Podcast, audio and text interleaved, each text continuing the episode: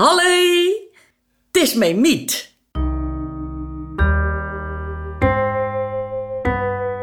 Miet is verhuisd. Ze moest wel. Een nieuwe kamer, nieuwe buren, verzorgende, keukenpersoneel, managers, ze kreeg ze er allemaal bij. En een hele hoop mensen komen. Net als ik in een verzorgingshuis terecht. Haar eigen aardappels hoeft ze niet meer te schillen. En ook de afwas wordt gedaan.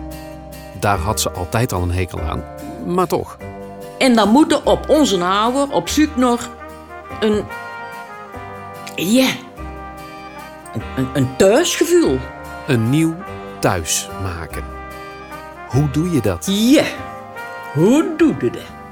In een verzorgingstehuis onderzochten Jolien Makkinga en Leonie Kornips of je gelukkiger wordt als je je eigen taal hoort en spreekt. Is dit nou niet te zot? Kan het spreken van je eigen taal het gevoel van onafhankelijkheid beïnvloeden? Dialect als medicijn, als wapen, als troost.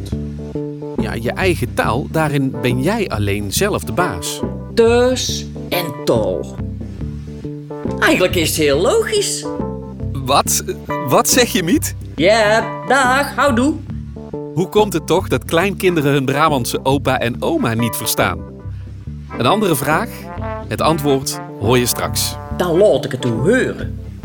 Miet is een fictieve Brabantse, maar wel gebaseerd op echte verhalen van ouderen. En op de resultaten van dit wetenschappelijk onderzoek. En dat onderzoek dat begon bij een intiem moment uit het leven van de wetenschapper zelf. Mijn moeder was overleden en mijn vader was toch een beetje eenzaam. En de buren hadden tegen hem gezegd: Waarom ga je niet tussen de middag in het verzorgingstehuis eten? Hoogleraar taalcultuur, Leonie Kornips. En dat is hij toen gaan doen, maar. mm, nou ja, hij vond het er toch. mm, mm. Ik- Ik weet niet precies wat er aan de hand was. Maar goed, in ieder geval besloot hij, hij belde mij op een gegeven moment op en toen zei hij: Goh, Leonie, zegt hij, ik kan eh, in een aanleunwoning bij het verzorgingstehuis en dan ben ik toch helemaal onafhankelijk. Zegt hij: Dat wil ik graag. Ik zeg: Nou, dat is goed, pap, dan gaan we jou verhuizen. En nou goed, dus hij ging naar het verzorgingstehuis. Mijn vader is een, was een raszacht uh, Maastrichtenaar, sprak altijd Maastrichts. Tegen iedereen, behalve tegen zijn vrouw, mijn moeder, en tegen de kinderen. Hij heeft mijn moeder kennen geleerd buiten Maastricht en Sittard, waar mijn moeder vandaan kwam, met volksdansen. En omdat ze buiten Maastricht en buiten Sittard waren, hebben ze elkaar in het Nederlands geadresseerd en is altijd zo gebleven. En toen hebben ze de kinderen zo opgevoed. Dus pap zit in het eh, verzorgingstehuis en ik kwam regelmatig op bezoek en we een weekendje slapen. En opeens hoor ik mijn vader echt meer en meer dialect spreken. Veel meer dan dat ik hem ooit had, had horen spreken. En hij had ook een verzorging en zij sprak Maastrichts en mijn vader sprak ook Maastrichts. En hij zat in het verzorgingstehuis in echt. Nou, die twee bij elkaar, dat waren twee handen op één buik. Alleen maar urenlang eh ouwe hoeren in het Maastrichts en weet niet wat allemaal. Dus dat was, dat was echt één groot plezier in het verzorgingshuis. En dat heeft mij heel erg aan het denken gezet. Dat ik hem zoveel dialect hoorde spreken. En hij is ook overleden en ik was bij de laatste tien minuten van zijn overlijden. Eh, en toen zijn laatste zinnen met mij waren in het dialect. Laat mij gewoon. Van hij vroeg dus toestemming om te sterven. Ik heb pap natuurlijk. En toen was hij ook meteen, hij, ja, hij blies ook meteen zijn laatste adem uit. En dat, zo kan je dus zien dat onderzoek, dat je als onderzoeker ook heel erg dicht in je eigen ja, eh, geschiedenis en, en ervaring komt. Ehm, toen dacht ik, dit verschijnsel wil ik onderzoeken. Op het moment dat mensen een bepaalde fase ingaan, dialectaliger worden. Oh, we gaan achter elkaar bij mij elkaar. Echt zoiets speciaals. Achter elkaar van begin af aan. Praten alsof we elkaar al jaren kenden. Ja, ik had al een tijdje het gevoel dat het niet zo goed met haar ging. Ik zeg, kom erin en ga zitten. Nee, nee, ik heb het vast te druk. Die meisjes hebben nooit geen tijd. Van het een naar het ander. Kom erin, ga zitten en dan zet ik een bekje koffie voor. Och, toen kwam er het hele verhaal uit. Och, Germ. Ze zit nou al weken thuis, och, Germ. Overspannen. Och, Germ. Luistert, die metjes zijn allemaal lief. Ze werken allemaal hard. Maar met heur? Ja, met heur heb ik weer speciaals.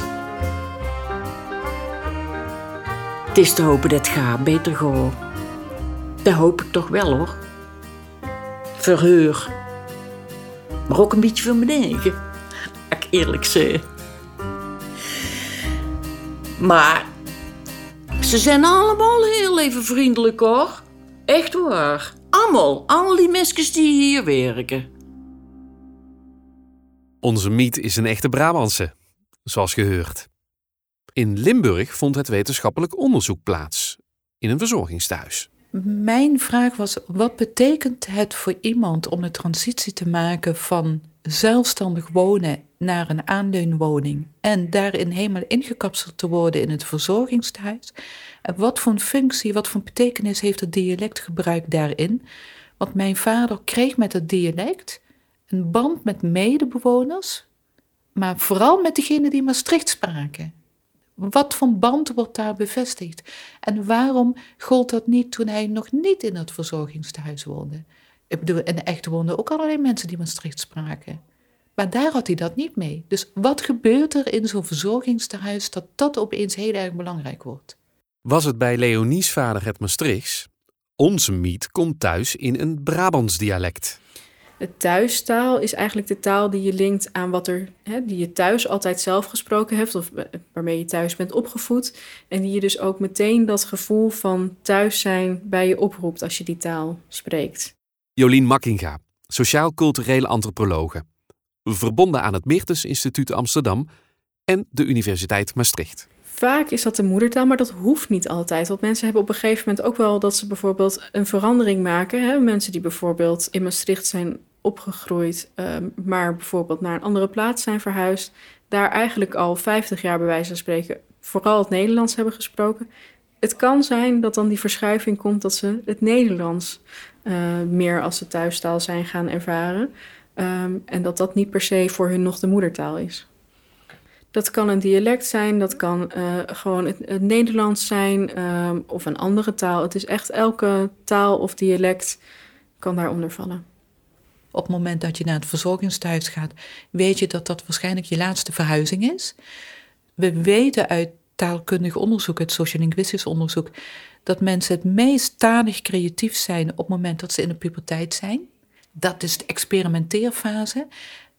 Dan zijn mensen talig nog creatief wanneer ze werkende zijn. En op het moment dat het werkende stopt, en vaak betekent dat ook een transitie van je, je gezin, kinderen gaan het huis uit of, of wat dan ook, in ieder geval, de wereld krimpt in. Dan ook gaat de talige diversiteit die je vroeger hebt tentoongespreid, gaat indimmen, inkrimpen. De manier die ik gekozen heb om dat onderzoek voor Jolien mogelijk te maken, is om uh, het te fraseren als volgt. Is taalkeuze in een verzorgingstehuis, is dat belangrijk om het welbevinden van uh, bewoners te verhogen? En uh, uit de literatuur bleek dat als dat welbevinden goed is, dat mensen bijvoorbeeld minder medicijnen nodig hebben, minder naar de huisarts hoeven te gaan, gelukkiger zijn en dat ze dus ook eigenlijk minder duur zijn. Ja, dat is heel erg. Maar binnen die Europese kaders was dat een ingang om dit project uh, gefinancierd te krijgen.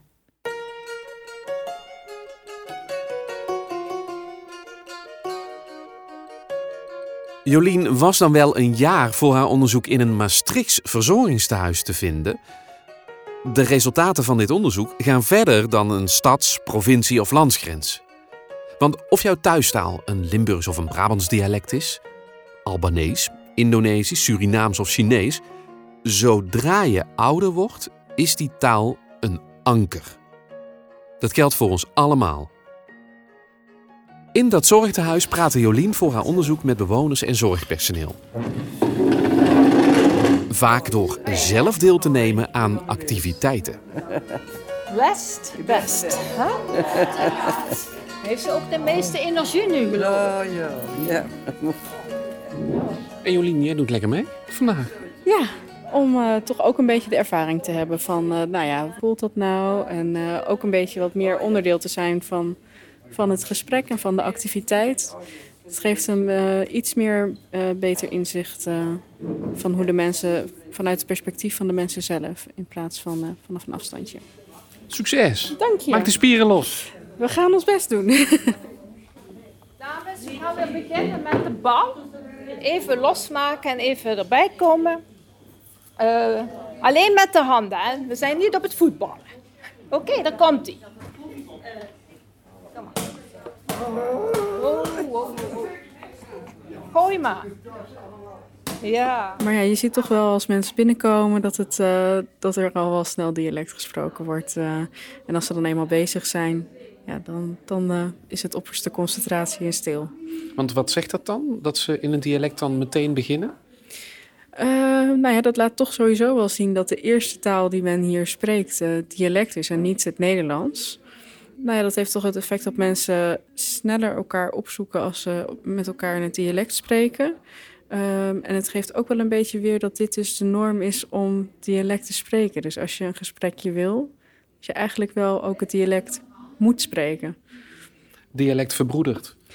Verbroederd, ja. En voor sommige mensen sluit het uit. Ja.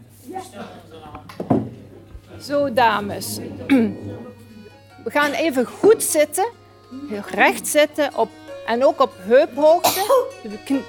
De, benen op heuphoogte. De handen op de schouder. En dan gaan we rondjes draaien. Met de elleboog. Oké, omhoog.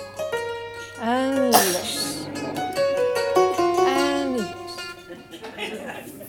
Kijk, Jolien doet in mijn ogen heel verrassend onderzoek. Zij bleek dus al heel snel in staat om die ideologie, hoe wij in de samenleving naar ouderen toe, eh, hoe wij daarnaar kijken als ouder. Ouder betekent eigenlijk meteen, je bent eh, kwetsbaar, je bent fragiel, je bent passief, je hebt geen capaciteiten meer. De manier waarop wij naar ouderen kijken, dat ook effect heeft op de ouderen zelf, zoals zij zich presenteren.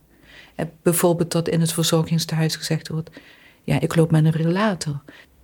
Ja, ik heb toch hard gewerkt, ik heb mijn hele leven gefietst. En dus die ideologie dat gezond ouder worden, dat dat iets is wat je zelf in de hand hebt. En als dat niet zo werkt, als je met een rollator loopt, dat dat dan iets is wat jou aan te rekenen valt. Dus dat, dat is al een van de eerste bevindingen van Jolien waar ik echt diep van onder de indruk was. Ehm, nou, allereerst denk ik dat ehm, de achtergrond van de verzorgend personeel zelf heel erg een rol speelt in hoe de reacties zijn. Hoop voornamelijk op het bewustzijn onder personeel van hoe is de interactie nou eigenlijk tussen jou en een bewoner en is dat echt afgesteld op die persoon? Ehm, en dat ze daar meer bewustzijn in krijgen van goh, ik loop elke keer een andere kamer binnen en wat is er hier van mij gewenst? in hoe ik met mensen praat. En ik denk dat mensen ook meer bewust moeten zijn van echt wat ze zelf spreken. Dus dat ze zich bewust zijn dat ze bijvoorbeeld toch vaak in het dialect doorgaan. Ook op het moment dat ze met iemand spreken die niet het dialect spreekt. Hoe gaat het met u? De vragen zo de godsganselijke dag. Komen ze binnen om schoon te maken? Hoe gaat het met u? Op de gang, hoe gaat het met u? Hoe gaat het met u? De zustertjes, hoe gaat het met u? Hoe gaat het met u? Gaat het met u? Gaat het met u? Gaat het met u? Och, zot worden ervan. Gestoord. Gila. Boedalla. Gestoord. Knatergek. Getikt. Joef. Niet goed van. Keigek. Keiga. Kirwiet. Abtal. Gestoord. Gestoord. Gestoord. Gek van. Hoe gaat het met u? We moeten daar nou op zeggen. Nou, leuk dat u me dat vraagt. Ik kan niet poepen. Ik zit in een rolstoel.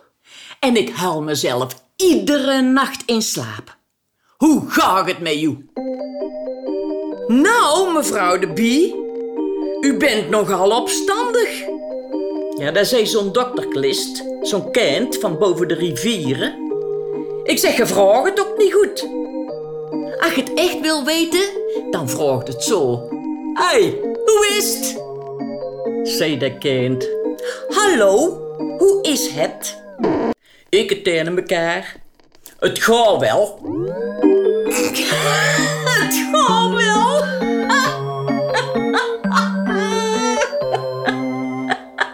Deze was de eerste keer dat ik mijn eigen een beetje thuis voelde.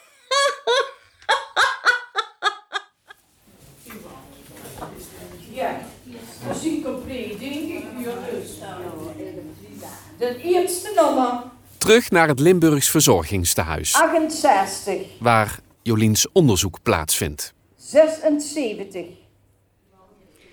Mijn taak is nu eigenlijk vandaag dat ik gewoon eh, voor mijn onderzoek eh, de audio-opnames eh, maak. Dus die heb ik eigenlijk altijd, zodra ik hier in de straat eh, loop, zet ik die aan. En pas als ik weer op de universiteit ben, zet ik hem eh, 25. uit.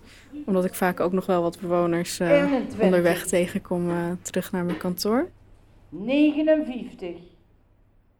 Ik als Nederlander vind het soms nog lastig om de nummers goed uit elkaar te houden. Het kost me allemaal iets meer moeite om de nummers even tot me te nemen, omdat het dan toch ook in het dialect wordt gesproken. 74.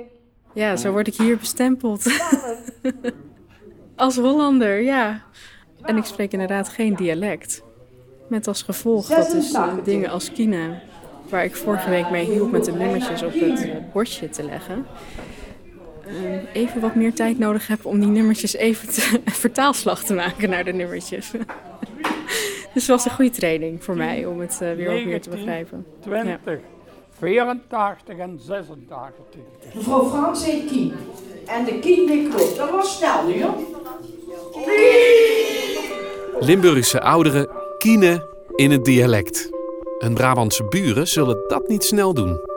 Ik heb mijn, eh, mijn vader wel gevraagd waarom hij eh, Nederlands spreekt tegen zijn kinderen. Dus tegen, tegen mij en mijn broer. Eh, en ook tegen onze, onze kinderen, dus tegen zijn kleinkinderen. Terwijl hij tegen zijn eh, eigen generatiegenoten in de familie eh, altijd dialect zal spreken. Dan zou hij nooit Nederlands spreken. Eh, want dan zegt hij, eh, ja, maar dan zouden ze mij gruts vinden. En dan zouden ze mij verwaand vinden. Als ik Nederlands zou spreken tegen mijn broers, zouden ze me verwaand vinden. Dat kan ik niet doen. Maar waarom doe je het dan met je kleinkinderen? En dat weet hij niet. Dat is gewoon vanzelf zo gegaan, zegt hij. Dit is Jos Zwanenberg van Erfgoed Brabant. Hij is bijzonder hoogleraar diversiteit in taal en cultuur. En het is heel gek, want het is iemand die heel erg eh, bezig is met dialect. Zeer in geïnteresseerd, hij heeft erover geschreven. Dus het is echt iemand die daar verstand van heeft. En hij heeft geen flauw idee waarom hij zijn kinderen en kleinkinderen in het Nederlands aanspreekt. Ik denk dat dat voor heel veel mensen zo geldt. Sinds de jaren 50 worden jonge Brabanders niet meer opgevoed in het plat, maar in het Nederlands. Dat is een hele belangrijke periode waarin eh, Noord-Brabant van boerenprovincie eigenlijk redelijk snel omschakelt naar een heel ander soort provincie. Dus die boerenprovincie verliest ook zijn dorpse karakter en wordt veel meer een verstedelijkte provincie met heel veel immigratie. Ehm, en wordt dat Nederland steeds belangrijker. Hè? Dus het is ook heel logisch dat eh, die overstap gemaakt wordt. In andere provincies ging dat wel op een andere schaal. De provincie Noord-Brabant is eigenlijk een soort van randstedelijke provincie geworden in zijn ontwikkeling. Om erachter te komen hoe taalrijk de provincie Noord-Brabant nu is, hebben we alle Brabanders opgeroepen 14 Nederlandstalige woorden in te spreken in hun eigen taal. Dat kan dus in een Brabants dialect zijn, maar ook in het Chinees, Turks of Vlaams. De thuistaal. De taal dus die je thuis spreekt. Ben je klaar om door de provincie te gaan reizen? Zo klinkt in alle uithoeken van Noord-Brabant het woord kippenvel. Kippenvel. Kiepenvel. Hennevel. Tietevel. Keisha skurka. Amatrichiles. Kasderse. Miertietjes.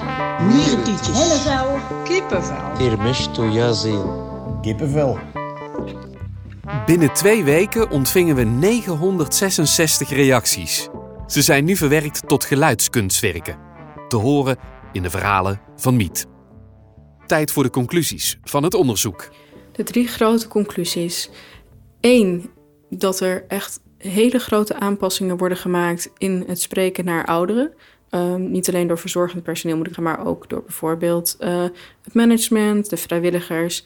Eigenlijk wordt dat door iedereen in de samenleving wel eh, gedaan. En dat eh, klopt vaak niet bij het beeld wat ouderen van zichzelf hebben. Dat is één conclusie die, die heel belangrijk is. Dan twee ehm, is dat dialect echt wel een belangrijke rol speelt met hoe mensen um, contacten leggen met elkaar. Hè, en ook of ze dus aansluiting vinden bij mensen en bij een groepje gaan horen. Of dat ze toch uh, het, het, lastig gaan ervaren om die aansluiting uh, te vinden. Um, en dat heeft dan te maken met dat mensen meteen associaties hebben uh, met het spreken van een bepaalde taal. En dat reflecteert ook wat voor soort personen dat dan zouden zijn. Dus als zij iemand horen spreken, dan zorgt dat er al meteen voor: hoort iemand bij die groep of die groep. Dat die nou hier gekomen is, dat snap ik niet. Gool. Wij moeten immers uit Gool hier. Ik hoor, waar had ik toch in mijn eigen dorp gebleven? Ja, dat is toch zo. Ze kent hier toch niet meer? Wel? En ze zei niks. Ik zou nog niet eens weten hoe er praten klinkt. Zo'n beetje zeverheid, denk ik. Daar ben je. Hey, en van de week zaten ze ineens bij ons onder de tafel. Ik had mijn tas tegen elkaar op de stoel neffen mij gezet. Ja, want waar moet ik met een mens? Dat klikt toch voor geen meter. Zij en wij, we hebben, we, toch, hebben we toch niks mee elkaar. Op een bepaald moment, zo doorschijnt weg, stond ze achter me te drullen. Haspelen. Hansen. Hakkelen. Klooien. Klungelen. Koloniën. Stuntelen. Uh, stuntelen. Stuntelen. Sukkelen. Horreloes. Uzzeke. Otteren. Mopperdraal. Ze kosten niet langs, zei Paula. Miet, die mevrouw kan er niet deuren achterhoe. Zeg ik. Ja, ze hoeft er een mond maar open te trekken en ik schuif opzij. Stomme koningen kunnen niet van dienst zijn. Ja, dat is toch zo? Zekers. Ik was toch in mijn eigen dorp gebleven. Ja. Goed. Brabantse senioren zetten het dialect in als wapen. Maar zeker ook als houvast. Iets dat echt van jou is. En de rest van de Brabanders? Zijn zij trots op het Brabants? Trots zijn op je eigen taal, daar is de Brabander een beetje voorzichtig in.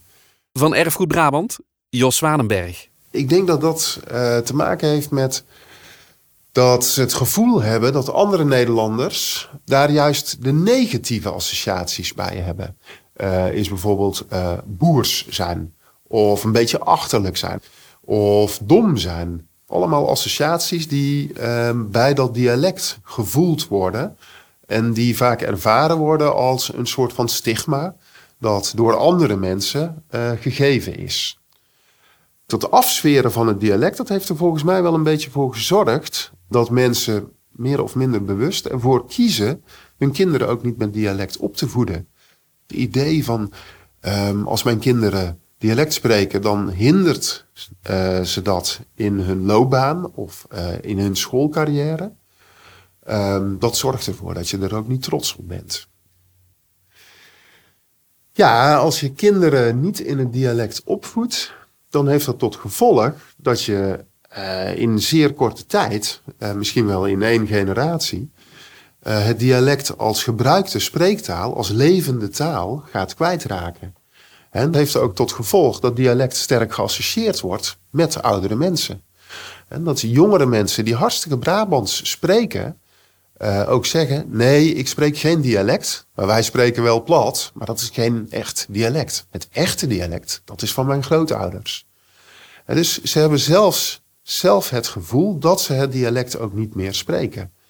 Um, ik ben dan zelf als taalkundige eigenlijk van mening dat zij een jongere vorm van het dialect spreken. Want inderdaad, het is anders dan hoe hun opa en oma praten, dat klopt. Maar het is nog steeds geen Nederlands. Dus veel van de oude dialectwoorden zijn ingeruild voor Nederlandse woorden. De klanken, zoals eh, thuis in plaats van thuis, die zitten er meestal wel in. Een vriendengroepstaal. Het is wat anders dan een thuistaal, want het is niet letterlijk een thuistaal, maar het is natuurlijk wel heel erg eigen. Ja, er is wel een generatiekloof inderdaad ontstaan in taalgebruik als we het hebben over eh, Brabants spreken. En hoe groot is die kloof? Uh, die generatiekloof op het gebied van Brabants spreken, die is uh, nog nooit zo groot geweest als nu. Um, het is wel van alle tijden, echt letterlijk alle tijden, dat oudere mensen zeggen: ja, jongere mensen spreken de taal niet goed. Dus dat is van alle tijden, maar zo erg als het nu is, is het nog nooit geweest. En toch is het universeel. Hè? Toch zien we het ook bij mensen die uit Marokko naar Nederland zijn uh, verhuisd. En dat zo'n vrouw van 70 of misschien al 80 het liefste alleen maar Arabisch spreekt en moeite krijgt met dat later geleerde Nederlands. Uh, en vaak is het zelfs zo dat ze eigenlijk niet meer zo goed Arabisch spreken. Heel gek. Dat is een hele leuke parallel. Die is interessant, hè? Dat, dat we dus een situatie hebben die we kennen en die problematisch kan zijn voor mensen in een verzorgingstehuis. Omdat ze dus gaan terugvallen op hun eerste taal. En misschien is dat wel Koerdisch. Nou, als je zelf een verzorger bent in een verzorgingstehuis, wat moet je nou met Koerdisch als je dat zelf niet spreekt? Dat kun je ook niet zomaar gaan leren. Um, ik denk dat uh, jongere mensen. Uh, als ze daar zelf een beetje gevoel voor hebben, wel een toenadering in kunnen doen. En dat kan alleen al uh, in accent zitten. Ik zou het zelf een beetje gek vinden als mensen een cursus dialect uh, moeten leren voordat ze in een verzorgingshuis gaan werken. Omdat ze ondertussen in een samenleving wonen die zo enorm veelzijdig en uh, meertalig is geworden, dat dan het eindzoek is. maar we kunnen wel toenaderen. Dat kan wel. Ik vind zo'n groetwoord als houdoe vind ik zelf een prachtig voorbeeld. Het is maar één woord, maar je geeft er zo duidelijk mee aan waar je vandaan komt en dat je weet dat die andere persoon hè, ook uit, uh, uit jouw gebied komt. Ja. En in welke taal voedt de hoogleraar zelf zijn kinderen eigenlijk op? Met mijn kinderen spreek ik ook geen dialect. Inderdaad. ja, ja, ja, ja, ja. En daaruit blijkt dus dat ik ook maar een mens ben. Uh, en hetzelfde doe als, uh, als die andere Brabanders. Maar waarom ja. was? Ik ben daar een ja. antwoord op. Ja, we weten het niet, hè? We weten het niet. Um, als ik dat wel zou hebben gedaan, dan zou ik de enige zijn in mijn omgeving. Het is geen expliciete groepsdruk. Maar ik denk wel dat het een soort van aanpassing aan de groep is, ja. Ja, aanpassing aan je omgeving. Inderdaad.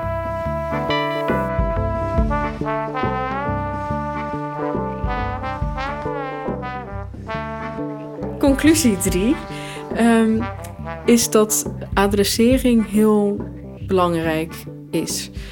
Er is bijvoorbeeld in het uh, verzorgingstehuis uh, een informeel beleid dat uh, mensen worden aangesproken met meneer en mevrouw of en dan hun achternaam.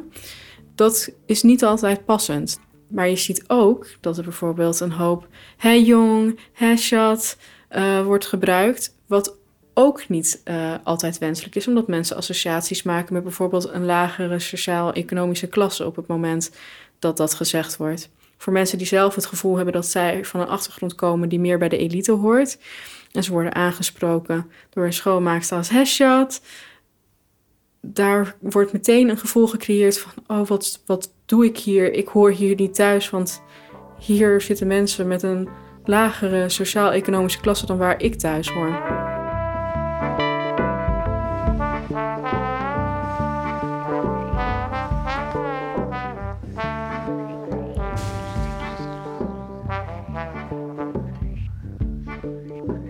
De vraag was in eerste instantie of het gebruik van dialect in een verzorgingstehuis of dat kan bijdragen aan het welbevinden van bewoners.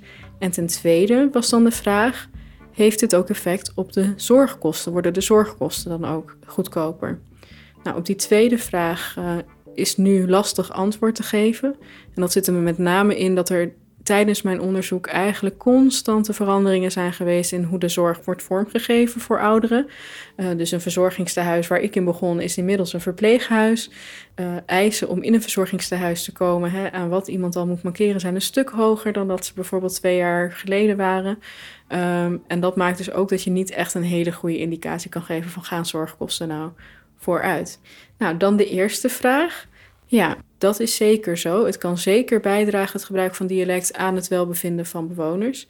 Uh, daar moet ik dan wel bij zeggen dat dat daaraan bijdraagt als je het juiste dialect spreekt. Um, wat je daar meer mee zou kunnen doen, is om juist die mensen dan eerder bij elkaar te gaan zetten die dezelfde taal spreken, omdat die dus ook uh, al sneller het idee zullen hebben dat ze eenzelfde soort persoonlijkheid hebben, dezelfde waarden hebben. Um, en dan heb je eerder dat contact. Terwijl als je mensen met verschillende talige achtergronden bij elkaar zet, die hebben vaak assumpties over elkaar en die zijn niet altijd positief, maar vaak ook wat negatiever. En dan zie je minder snel die interactie. Nu kun je deze belangrijke onderzoeksresultaten in boekvorm presenteren, maar, bedachten Jolien en Leonie, kunnen we dat ook niet laten horen. En zo ontstond de samenwerking met Stichting Glaudio. De verhalen van ouderen zijn nu gebundeld in de Brabantse Miet. Ik heb speciaals. Een nieuwkomer. Als je bij mij op bezoek komt, wandelde een levensgrote Brabantse klankkaas in. Ja, echt. Oh, dat moet er gewoon een keer meegemokt hebben. Miets Klankkast is te beleven in de zorgcentra van Vitalis in Eindhoven, de zorgcentra van De Wever in Tilburg en in Museum Tongerlohuis in Roosendaal. Waar en hoe neer precies? Dat vinden op mijn website. Ja, een website heb ik ook al. Een podcast. En een klankkaast. Ja, echt geweldig, wacht. Dit onderzoek en project hebben bij een Limburgse zorgorganisatie voor een beleidsaanpassing gezorgd.